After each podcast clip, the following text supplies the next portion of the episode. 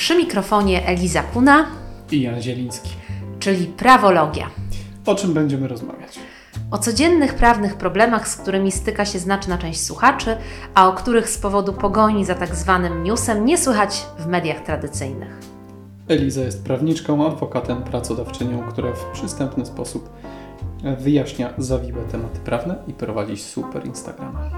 Jan jest dziennikarzem i współtworzy ten program razem ze mną. Jesteśmy tu dla Państwa i dzięki Państwu. Chcemy robić ten podcast profesjonalnie i tak, by był pomocą dla wielu osób, których nie stać na poradę prawną. Jeśli zatem nasz skromny program umili Państwu czas lub pomoże w przejściu przez postępowanie sądowe, to zachęcamy do wsparcia nas na platformie www.patronite.pl ukośnik prawologia. Dzięki Waszym wpłatom możemy nagrywać w profesjonalnym studio. Zaczynamy. Zaczynamy. Trudne, e, trudnych rozmów ciąg dalszy. Trudne sprawy. Trudne sprawy. Tam, tam, tam. A możemy powiedzieć trudne sprawy w ogóle w podcaście? Wydaje mi się, że nie jest to nazwa zastrzeżona, ale nie sprawdzałam w rejestrze. Poprosimy o jakiś komentarz, jak nie możemy. To wtedy będziemy robić inne sprawy na przykład, albo inne rzeczy będziemy mówić. E, Rozmawialiśmy ostatnio o alimentach, rozmawialiśmy o zapisywaniu do szkoły w przypadku, kiedy jeden z rodziców jest temu niechętny. Trochę skupmy się jeszcze na tych dzieciach. Czy dzieci w Polsce mają szansę na to, aby zostać wysłuchane w e, sprawach, które tak naprawdę ich dotyczą? Czyli czy mają głos, czy nie mają głosu? Ja pamiętam z lat młodości, e, z okresu betonowego PRL-u, wychowania w wielkiej płycie, e, takie powiedzenie: dzieci i ryby głosu nie mają. E, Nie wiem, czy pamiętasz to ze swojego dzieciństwa. Nie, ja miałem oczywiście, e, oczywiście moi rodzice zawsze brali, to była pełna demokracja. To, No właśnie, i dzięki temu mamy takich wspaniałych dziennikarzy jak Jan, tak. e, odważnych, niezależnych i, jak słyszycie, zabawnych. Natomiast długo też takie przekonanie panowało w sądach, że właściwie to dorośli są od tego, żeby decydować o stanowisku dzieci, o tym, że e, właściwie to sądy mają pełną władzę, wiedzę, wykształcenie, znajomość psychologii, aby podejmować decyzje, nawet tego dziecka nie widząc. Natomiast e, na przestrzeni lat wykształciły się i przepisy, i praktyka sądowa, która pozwala na usłyszenie tego głosu dziecka w wielu płaszczyznach. E, Zacznę od takiego podstawowego narzędzia, którym dysponują sądy, w szczególności sądy rodzinne, to jest wywiad kuratorski. Brzmi to dziwnie i strasznie. Brzmi trochę jak e, opowieści z trudnych spraw, właśnie. E, I wyobrażamy sobie mm, no, jakiś. Przesłuchanie, po prostu przesłuchanie. no, wyobrażamy sobie też coś, co kolokwialnie nazywamy rodziną problematyczną, a nawet patologiczną, no bo przecież do kogo przychodzi kurator? No, do kogo? Do kogoś, kto narusza prawo, ma interwencję policji, którego zgłaszają sąsiedzi. E, okazuje się, że właściwie przychodzi praktycznie do każdej rodziny, która ma sprawę rodzinną bądź e, opiekuńczą w sądzie. E, dlatego, że kurator jest, e, jak się mówi potocznie, oczami i uszami sędziego. E, kuratorzy to najczęściej pracownicy sądów, którzy są dedykowani do tego, żeby przeprowadzać te rozmowy i wywiady. E, Mamy do czynienia najczęściej z kuratorami zawodowymi, czyli właśnie tymi, którzy są etatowymi pracownikami, ale są też osoby, które są kuratorami społecznymi, które e, no niejako poza swoją pracą zawodową wykonują takie czynności zlecone przez e, sąd. Tacy kuratorzy mm, mają prawo przyjść do naszego domu i właściwie rozpytać rodziców, nawet porozmawiać w obecności rodzica z dziećmi, Musimy ich wpuścić? nie mamy takiego obowiązku, dlatego że e, nie jest to policja, e, która odbywa interwencję zagrażającą życiu i zdrowiu, ale zawsze radzę klientom, żeby ich wpuszczali, dlatego że e, kurator nie zrobi nam żadnej krzywdy. Najczęściej opisuje to, co widzi. To nie jest tak, że kurator ma jakieś szczególne przemyślenia albo komentarze, albo wyciąga wnioski, bo od wyciągania wniosków jest sąd.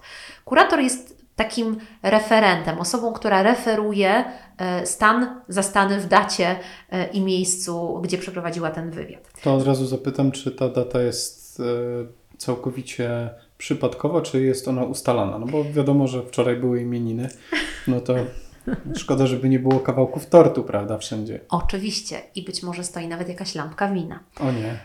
Dlatego e, praktyka przez wiele lat była taka, że kuratorzy przychodzą z wywiadami niezapowiedzianymi o bardzo różnych godzinach, z reguły dnia, raczej nie nocy. E, Co więcej, czasem kuratorzy nawet proszą, żeby pokazać lodówkę, czy jest coś do jedzenia dla dzieci. E, Proszą, żeby dzieci pokazały zeszyty. W czasach, kiedy jeszcze były dzienniczki, chętnie oglądali te dzienniczki. Są prawie jak ksiądz po kolędzie, który sprawdza zeszyt od religii, tylko A nie moje- rozdają obrazków. A mają dostęp do Librusa? Nie. E, Ale mogą wystąpić o opinię ze szkoły. E, Nie tylko sąd może o taką opinię poprosić, kurator też może skontaktować się z dyrektorem, wychowawcą czy psychologiem bądź pedagogiem szkolnym i takiej opinii zasięgnąć. E, Więc przez wiele lat kuratorzy przychodzi, przychodzili niezapowiedziani. Natomiast pandemia, tak jak wywróciła wiele różnych sfer życia do góry nogami, niektóre zmieniła na dobre, także spowodowała to, że kuratorzy zaczęli przeprowadzać wywiady telefoniczne, ale także. e, Czy już nie są oczami, tylko jednym uchem? jednym uchem. E, Ale też e, zaczęli po prostu umawiać się na zapowiedziane wizyty. E, Teraz, kiedy pandemia, mówiąc kolokwialnie, zelżała, e, z powrotem zdarzają się tak zwane naloty kuratorskie, e, ale można też oczywiście umówić się w dogodnym dla siebie czasie na taki Bardzo wywiad. ładnie brzmi, tak najpierw powiedziałaś, nie bójmy się kuratorów, to wszystko jest w porządku, to jest normalne, odwiedzają wszystkich, którzy e, mają konflikt rodzinny, e, czy występują o e, opiekę nad dzieckiem i tak dalej, a teraz mówisz nalot. Mm, Ja wychodzę z założenia, że jeśli nie mamy nic do ukrycia i nie mamy nic na sumieniu i mamy przekonanie, że e, nie krzywdzimy naszego dziecka, choć nawet jest nieposprzątany, jest bałagan i sterta prania oraz niewyprasowanych koszulek, a w lodówce jest bułka, trzy warzywa i zupa z wczoraj e, i nie serwujemy dzieciom codziennie trzydaniowych obiadów, generalnie nie mamy się czego bać.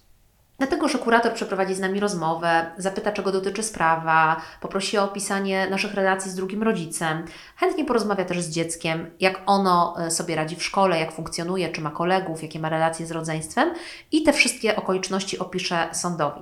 E, Najczęstsze opisy też są opisami architektoniczno-geograficznymi, czyli Mieszkanie położone na trzecim piętrze, składające się z trzech pokoi. Dziecko ma swoje łóżko, biurko i krzesło. Posiada także do dyspozycji komputer.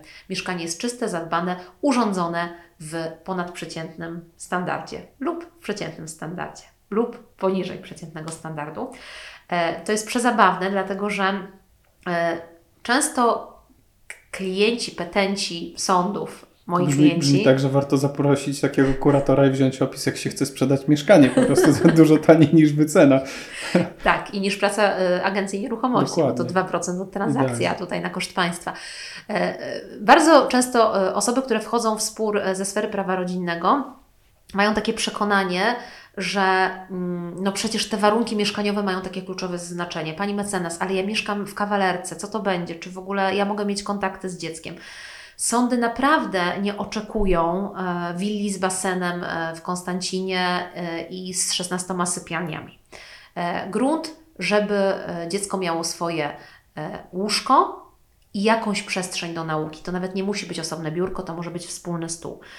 Dlatego, że sąd nie jest od rozliczania nas z naszej przestrzeni życiowej. Dlatego nie przywiązujmy tak dużej wagi do kwestii materialnych. W sprawach rodzinnych bardziej grają i liczą się kwestie emocjonalne.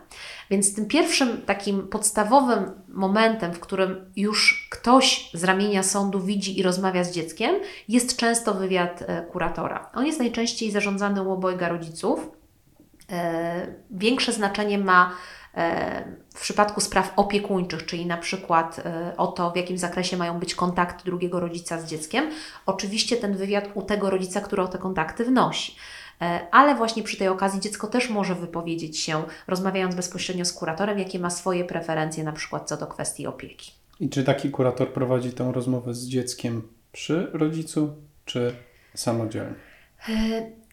Raczej nie przyjmuje się zasady, żeby kurator samodzielnie rozmawiał z dzieckiem, ponieważ kuratorzy nie mają takich kwalifikacji, nie są do tego przeszkoleni, nie są psychologami i raczej taka rozmowa toczy się przy rodzicu, dlatego ona jest obarczona oczywiście pewnym stopniem skrępowania dziecka obecnością drugiego rodzica. No oczywiście, plus, no, no powiedz Kasiu, powiedz Kasiu, jak tatuś yy, nie ma biurka u Ciebie w domu, a tutaj masz, no powiedz, powiedz, powiedz Panu, powiedz tak.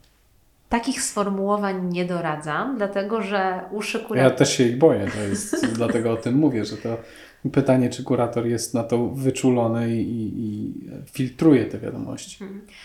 E, Nie należy się spodziewać jakiejś szczególnej inwencji w tych wywiadach kuratorskich, czyli e, kurator nie może użyć określenia, że na przykład widać, że rodzic manipuluje dzieckiem, ale może dokładnie zacytować wypowiedzi, a wtedy czytający sam będzie w stanie wyciągnąć wniosek, e, który z tego wynika.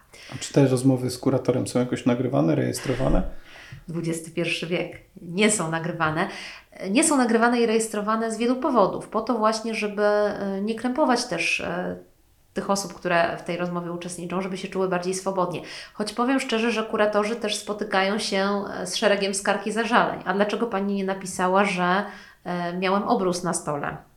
E, Przyszedł do mnie kiedyś klient i mówi, no Pani mecenas, kurator napisał, że mam bałagan, a to był największy porządek, jaki miałem od pięciu lat w tym mieszkaniu. No i powiem szczerze, Czyli że to, jako był, to był porządek poniżej przeciętnego porządku. najwidoczniej. E, I powiem szczerze, że mi jako prawnikowi ciężko dyskutować wtedy z tymi argumentami. Radzę po prostu klientom, żeby skupili się, skoro porządek nie jest ich mocną stroną, to żeby skupili się na innych sferach życia rodzinnego i relacji z dzieckiem, być może właśnie na kwestiach więzi i emocji. Dobrze, to mamy już kuratora, który mm, porozmawiał z dzieckiem przy rodzicu.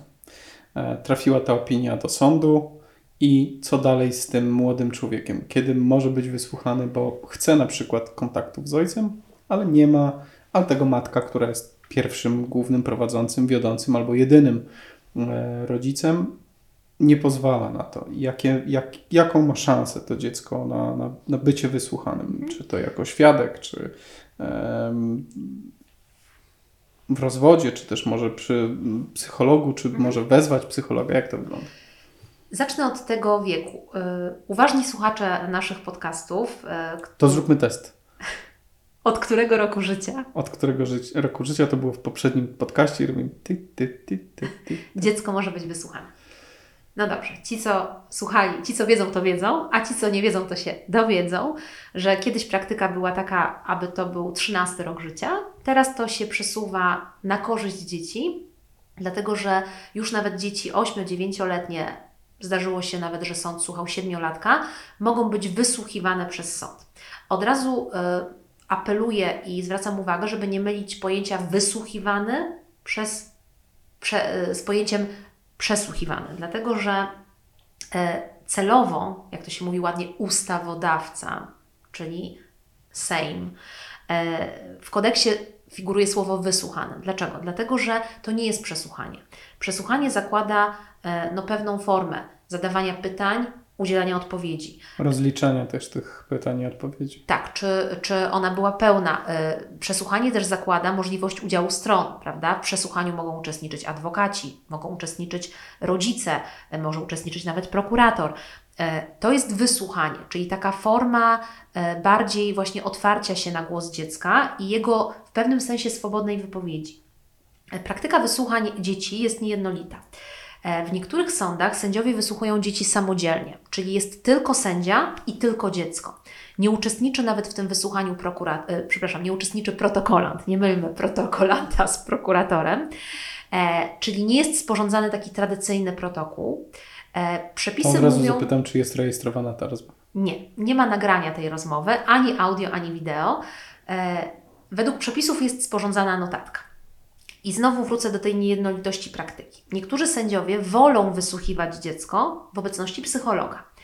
E, dlatego, że ten psycholog od razu może ocenić, czy to dziecko nie jest poddawane jakimś manipulacjom, czy wypowiada się adekwatnie do wieku, czy nie powtarza sformułowań zasłyszanych od dorosłych, a może nawet wtłoczonych jemu, temu dziecku, przez e, dorosłych. E, Także niektórzy sędziowie życzą sobie obecności psychologa, niektórzy wolą wysłuchać dziecko samodzielnie. E, Sporządzana jest notatka i teraz praktyka tych notatek też jest bardzo niejednolita. Niektóre te notatki są niezwykle obszerne, czyli zawierają niemal słowo w słowo wypowiedź dziecka o tym, jak ono relacjonuje właśnie z kim lubi chodzić na piłkę nożną, czego lubi się uczyć, jakie ma oceny, jakie słodycze lubi jeść, jak spędza czas z tatą, jak z mamą. E, niektórzy sędziowie sporządzają notatki bardzo takie wybiórcze i krótkie, oddając tylko sens wypowiedzi e, dziecka. I niektórzy sędziowie ujawniają te notatki stronom, a niektórzy nawet y, trzymają je w aktach w zamkniętej kopercie. E, także e, no, praktyka jest dość niespójna e, co do tych wysłuchań. Mm, natomiast niewątpliwie, jeżeli mamy zaufanie do sądów i sędziów i do systemu sądownictwa, no to jest to... O co się staramy od pierwszego odcinka, żeby to zaufanie budować, pomimo różnego rodzaju narzekań na system, to jednak chcemy wzmacniać to przekonanie, że system jest dobry. I jest dla nas jako obywateli. E, to jednak to daje sędziemu obraz e, sytuacji dziecka. Poza tym e, sędzia przestaje sądzić bezosobowe imię i nazwisko z datą urodzenia i widzi człowieka. Mm, widzi też człowieka z jego różnymi no, mankamentami, może trudnościami, może nawet nadmierną dojrzałością, dlatego że dzieci w sporach rodzinnych charakteryzują się taką e, no, rozwojem ponadprzeciętnym, jeżeli chodzi o takie umiejętności komunikacyjne. Bardzo często te dzieci właśnie e, lepiej czytają emocje, e, są takie właśnie dojrzałe, czasem są obrońcami nawet swoich rodziców. Więc sędzia widzi to wszystko jak w soczewce i może wyciągnąć własne wnioski. I teraz w jakich sprawach takie wysłuchania się najczęściej przeprowadza? Niewątpliwie przeprowadza się je w sprawach o zmianę miejsca zamieszkania dzieci. Czyli jeżeli dziecko przez wiele lat mieszkało z rodzicem, e, idąc już stereotypowo mieszkało z mamą, e, czyli tak jak to bywa w większości e, sytuacji w Polsce, i nagle wyraża wolę zamieszkania z drugim rodzicem, czyli z tatą. Mm, czasem, A wyraża tę wolę w jaki sposób? Mówiąc tacie? Mówiąc tacie, mówiąc mamie, czasem nawet pisząc list do sądu. W bardzo różny sposób. To jest dzieci. istotne. Znaczy to, to, to, tu chciałbym mm, trochę o tym porozmawiać. To znaczy dziecko pisze list do sądu w jakim wieku taki list e, dziecka, taki, taki list dziecka zostanie wzięty pod uwagę i skąd to dziecko ma wiedzieć, że może taki list napisać? Zacznę od tego, że e, dzieci czasem piszą faktycznie listy do sądu, czasem je adresują nawet do sądu, ale sąd nie bardzo wie, co z tym zrobić, dlatego że nie ma żadnego toczącego się postępowania. Czasem wskutek takiego listu wszczyna postępowanie o wgląd w sytuację rodziny. Natomiast najczęściej tego rodzaju listy są załącznikiem do pism procesowych, czyli dziecko taki list przekazuje któremuś rodzicowi e, i rodzic załącza je do swojego pisma czy też wniosku do sądu. Natomiast y, sama taka sygnalizacja y, przez. Y, no, sądy jednak wychodzą z założenia, że mm, rodzice nie konfabulują skrajnie. To znaczy, nawet jeżeli w pewnym sensie eksponują pewne fakty, okoliczności, a inne wyciszają, wygaszają bądź nie przedstawiają, to jednak jeżeli rodzic w piśmie pisze: Mój syn Kazio od roku mówi, że bardzo chce zamieszkać ze mną, bo będzie miał tu bliżej do szkoły, bo ma tu młodszego brata, e, bo lepiej się ze mną porozumiewa, bo wszedł wiek nastoletni i ma konflikt z mamą, to wtedy sąd będzie chciał powiedzieć sprawdzam i będzie chciał porozmawiać z Kaziem, czy faktycznie artykułuje taką potrzebę tacie. E, dlatego nawet sama taka e, wzmianka w piśmie może spowodować to, że sąd będzie chciał z Kaziem porozmawiać. Na pewno sprawa o miejsce zamieszkania są takimi sprawami. Czasem w sprawach o tak zwaną opiekę naprzemienną, na który to odcinek o opiece naprzemiennej bardzo wielu słuchaczy cały czas czeka. I na pewno taki odcinek powstanie. E, w tych sprawach też sądy wysłuchują dzieci. We wspomnianych e, w poprzednim odcinku sprawach o szkołę sądy też biorą pod uwagę zdanie dzieci. W sprawach o kontakty bądź zmianę kontaktów sądy posiłkują się innym dowodem, o którym sobie za chwileczkę powiemy, czyli właśnie opinią biegłych. E, zdarza się też, że w sprawach o wykonywanie władzy rodzicielskiej sądy też chcą wysłuchać dzieci. Także jest cała plejada i spektrum spraw, w których sądy wysłuchują e, właśnie małoletnich, czyli dzieci nie są traktowane jak te ryby, które nie mają głosu. To ta opinia biegłego teraz. Co to takiego? No właśnie, nie wiem, czy słyszałeś, kiedyś, czy słyszałeś kiedyś taką nazwę rodek. Nie. To znaczy, że nie jesteś z branży. O, proszę, zaczęłaś. Zaczęło. E, Kiedyś e, panowało powszechne przerażenie, szczególnie wśród ojców, ale matek też, nazwą RODEK Rodzinny Ośrodek Diagnostyczno-Konsultacyjny. Wszyscy sobie tam wyobrażali takie dwie e, panie e, w okolicach przedemerytalnych, w grubych szkłach, e, w okularach, które stoją i czyhają na Twoje dziecko albo czyhają na to, żeby Ci wytknąć Twoje błędy wychowawcze. Ponieważ rodeki budziły wiele wątpliwości i kontrowersji, to przemalowano je i zmieniono im nazwę na opiniodawcze zespoły specjalistów sądowych. Czy nazwa OZSS coś Ci mówi? Cudownie, to jest dużo przyjemniejsza nazwa. No właśnie, więc y, ci, dla których brzmi ta nazwa przyjemniej, mogą być już spokojni, bo teraz już nie ma rodeków, są OZSS. Ale oczywiście, odkładając żarty na bok, w praktyce jest to prawie to samo, czyli to są specjaliści. E, uspokoję też tych, którzy mają jakieś obawy przed pedagogami i psychologami ze starszego pokolenia, generalnie zatrudniające naprawdę zaangażowanych i, e, i żądnych rozwoju i takich e, bardzo z dużym doświadczeniem pedagogów i psychologów, czasem też psychiatrów. Sądy, kiedy nie mogą sprawy rozstrzygnąć, bo nie są w stanie określić, jakie są predyspozycje każdego z rodziców, e, jakie mają e, rodzice kompetencje do wychowywania dzieci. Jeśli oboje mają porównywalne kompetencje, bo przecież tak się dzieje najczęściej, że oboje rodzice są kulturalni, sympatyczni, wykształceni, kochają swoje dziecko. Dziecko nawet osiąga jakieś sukcesy edukacyjne, ma kontakt z mamą, jak i z tatą, a każdy z rodziców stara się o to, żeby dziecko mieszkało z nim. Wtedy sąd zasięga opinii właśnie tych specjalistów. E, takie badanie trwa od 6 do 8 godzin, czasem nawet może trwać 2 dni e, i ono składa się z kompleksowej oceny sytuacji rodzinnej dziecka. W takim badaniu uczestniczą zarówno rodzice, jak i dziecko. Czasem zdarza się, że na żądanie sądu bądź życzenie biegłych uczestniczą także dalsi krewni, na przykład pozostałe rodzeństwo tego dziecka, albo na przykład nowi partnerzy czy nowi małżonkowie rodziców, czasem nawet uczestniczą babcie. E, I biegli poprzez testy psychologiczne, poprzez rozmowę z dzieckiem, rozmowę z rodzicami, e, wywiady, pewnego rodzaju narzędzia, które, które biegli mają, na przykład tak zwany test niedokończonych zdań, czyli na bezludną wyspę najchętniej zabrałabym, albo narysuj swoją rodzinę i wiele innych bardziej skomplikowanych metod diagnostycznych, próbują ocenić predyspozycje każdego z rodziców do sprawowania opieki, do wychowywania dziecka, do bycia tak zwanym rodzicem pierwszoplanowym czy wiodącym.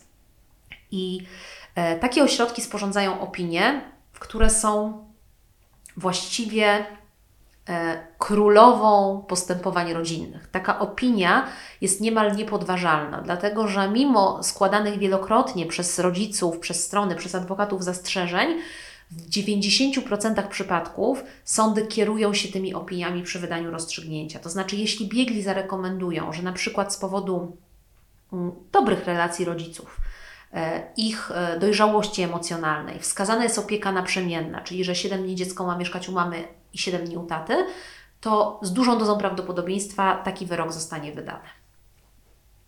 To jest dla mnie zawsze najdziwniejsze o, o opiece naprzemiennej, tak jak wspomniałaś, będziemy sobie rozmawiać, ale te ciągłe przeprowadzki dziecka co 7 dni, myślę, że to nie jest e, wygodne dla nikogo. No dobrze, to już wiemy dzisiaj, że e, dziecko jednak ma jakiś głos w sądzie i może rozmawiać i z kuratorem, i z sądem, e, i z biegłymi, i z psychologami, i w OZSS-ach. Również jego głos będzie wysłuchany. W takim razie jeszcze trochę więcej o tym badaniu psychologicznym, co to jest, jak ono wygląda i jak duży stres wywołuje na, na, na dziecku. Mhm. E, to chcę jeszcze zwrócić uwagę na to, że dowody z badań psychologicznych mogą być dwojakie. Jedna to te cztery literki, czyli OZSS, nazwa, która już jak rozumiem nie budzi grozy i przerażenia. A e, drugi rodzaj badania to są tak zwani biegli z listy sądowej. E, co to oznacza? E, opiniodawczy zespół specjalistów sądowych zatrudnia etatowo psychologów i pedagogów, którzy e, wykonują czynności tylko i wyłącznie albo głównie właśnie dla potrzeby, na potrzeby badań sądowych. Czyli to są psychologowie dedykowani tylko do sporządzania takich opinii. Ale z uwagi na to, że jak e, zapewne nasi słuchacze wiedzą, a pewnie słuchają nas, nas z tego powodu, że sporów rodzinnych jest bardzo wiele. E, I gdyby tylko te ośrodki diagnostyczne wykonywały opinie, to na te opinie czekałoby się na przykład dwa lata, a był taki okres w Warszawie, kiedy ponad rok na opinię się czekało. A w tej chwili? Mm, Między 6 a 8 miesięcy, tak bym powiedziała, od momentu, kiedy biegli otrzymają akta sprawy. E, I jest taka możliwość, że sąd może powołać psychologów i pedagogów, którzy zgłoszą się na listę e, prezesa Sądu Okręgowego, bądź nawet takich, którzy na takiej liście nie są, ale mają udokumentowane doświadczenie i wykształcenie zawodowe. E, I tacy psychologowie i pedagogowie e, no, przeprowadzają właśnie badania w, no, w takich warunkach poradni. Ja uspokajam przede wszystkim dzieci, że te badania dla dzieci nie są w ogóle stresujące. To znaczy, biegli nie wytwarzają żadnej mm, atmosfery presji na dzieciach, raczej starają się z nimi rozmawiać spokojnie. E, Dla dzieci to jest jedna z wielu różnych e, diagnoz, które często przechodzą, czyli taka jak e, rekrutacja do szkoły, rozmowa z psychologiem, rozmowa z wychowawcą. Dzieci, które kiedykolwiek przechodziły jakąś diagnostykę, na przykład w poradni psychologiczno pedagogicznej, e, wiedzą pewnie o czym mówimy, czyli to jest e, swobodna rozmowa e, o sytuacji szkolnej, sytuacji rodzinnej. Natomiast dla rodziców niejednokrotnie to badanie jest badaniem przeprowadzanym pod presją.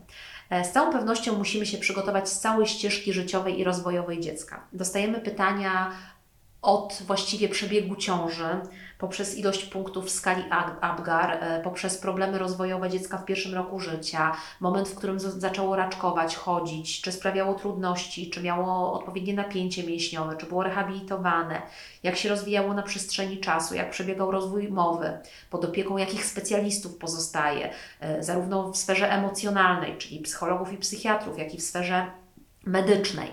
E, Właściwie pytania dotyczą całej historii życia tego dziecka, ale nie tylko. Jesteśmy pytani także o naszą historię życia, o nasze pochodzenie, o to, czy wychowywaliśmy się w tak zwanej pełnej rodzinie, czy była to ro- rodzina obciążona jakimiś problemami uzależnieniowymi, e, czy w rodzinie stosowano przemoc.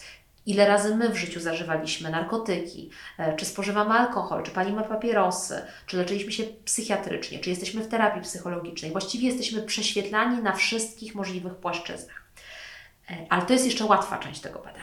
Drugą, też w miarę łatwą częścią tego badania są testy psychologiczne, które zawierają kilkaset pytań. E, Na tych tekstach z kolei jest badany nasz profil osobowościowy. Mm, Też często są zadawane pytania pod kątem e, naszej prawdomówności, czyli na przykład to samo pytanie jest reformułowane na trzy różne sposoby, tak by mieli, mogli ocenić, czy rzeczywiście odpowiadamy zgodnie z prawdą. Natomiast najtrudniejsza część pytań to jest część pytań, która dotyczy naszego sporu z drugim rodzicem, dlatego że często jesteśmy przez biegłych dociskani e, i e, doprowadzani do sytuacji skrajnych. Biegli zadają pytania czasem w sposób podchwytliwy, złośliwy, stosują e, sarkazm, próbują przedstawić propozycję drugiego rodzica. Robią to Ja myślę, że jakby ktoś inny prowadził ten podcast z tobą, to byś tak nie mówiła. W każdym razie stosują różne techniki, aby zobaczyć nas e, w różnych sytuacjach, jak my reagujemy na presję, na stres, czy jesteśmy skłonni do kompromisu. E, Dlatego mm, najczęściej biegli stosują takie e, stare zasady policyjne z amerykańskich seriali, czyli Czyli książką telefoniczną w głowę od razu. nie o tą zasadę mi chodziło. Bardziej chodziło mi o zasadę jest dobry policjant i zły policjant. Czyli jest jeden e, biegły, który jest bardzo serdeczny, sympatyczny i uprzejmy, i drugi taki, który zadaje te trudniejsze, bardziej podchwytliwe, może przykre dla nas pytania. To dla rozluźnienia proponuję po naszym podcaście obejrzeć Różową Panterę i tam y, jeden detektyw gra i dobrego i złego jednocześnie. To, to może być zawsze ciekawe A w. Polsce najczęściej opinie są jednak e, zespołu biegłych, czyli jest ich dwóch albo trzech. W tym zespole może też uczestniczyć psychiatra. E, jeżeli jest podejrzenie jakichkolwiek trudności bądź zaburzeń, czy u dzieci, e, czy u rodziców. E, I e, po takim badaniu, mniej więcej w ciągu 4, czasem 6 tygodni, powstaje opinia. Ona jest dość kompleksową opinią, ma z reguły kilkanaście stron i zawiera wnioski, czyli rekomendacje biegłych, jak rozwiązać dane, e, dany spór. Oczywiście biegli nie są władni, żeby konstruować wyrok czy postanowienie, czyli nie dają takich stuprocentowych wskazówek, ale uważny czytelnik tej opinii już po samej opinii wie, jakie jest najbardziej prawdopodobne rozstrzygnięcie sprawy sądowej. Z, twojego, z Twojego doświadczenia e, bywa tak, że te opinie nie są prawidłowe, tak patrząc na, no, na realia, trochę b- są kompleksowe, są prowadzone przez wiele osób. No ale być może, że ktoś y, podczas takiego badania wykazuje się głupimi żartami, tak jak niektórzy prowadzący niektórych e, podcastów, po to, żeby rozluźnić e, trudne tematy. A biegli mogą nie mieć poczucia humoru. A nie mogą nie mieć poczucia humoru i wtedy taka osoba jest potraktowana jako ktoś zupełnie niepoważny, kto się nie nadaje jako rodzic. E, I co wtedy? Czy zdarza się to, czy się to nie zdarza?